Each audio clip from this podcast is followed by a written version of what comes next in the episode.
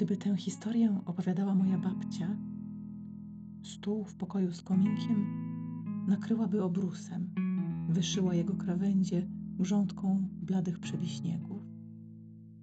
W kredensie stałyby talerze malowane w niebieskie drzewa i migdałowe filiżanki. Pokój pachniałby cukrem i miedlinami. Ale tamtej nocy nie było nic oprócz zimnego paleniska i skrzypiącej podłogi.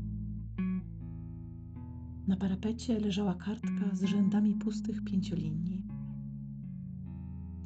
Niektórzy mają strzeliste chwile olśnień, nagłe strumienie zachwytu.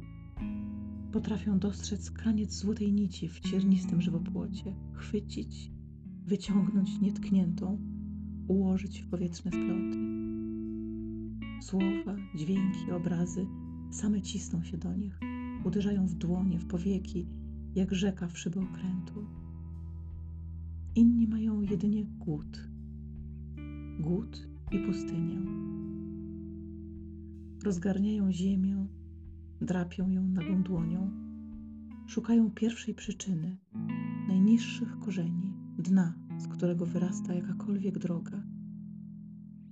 Ich akty stwórcze to posłuszne wbijanie gwoździ, jak mówiła babcia.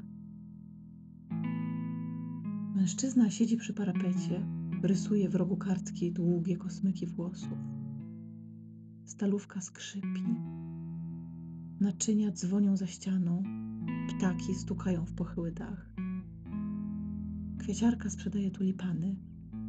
Dorożkarze nawołują się z za rogu. Wiatr porusza okiennicą.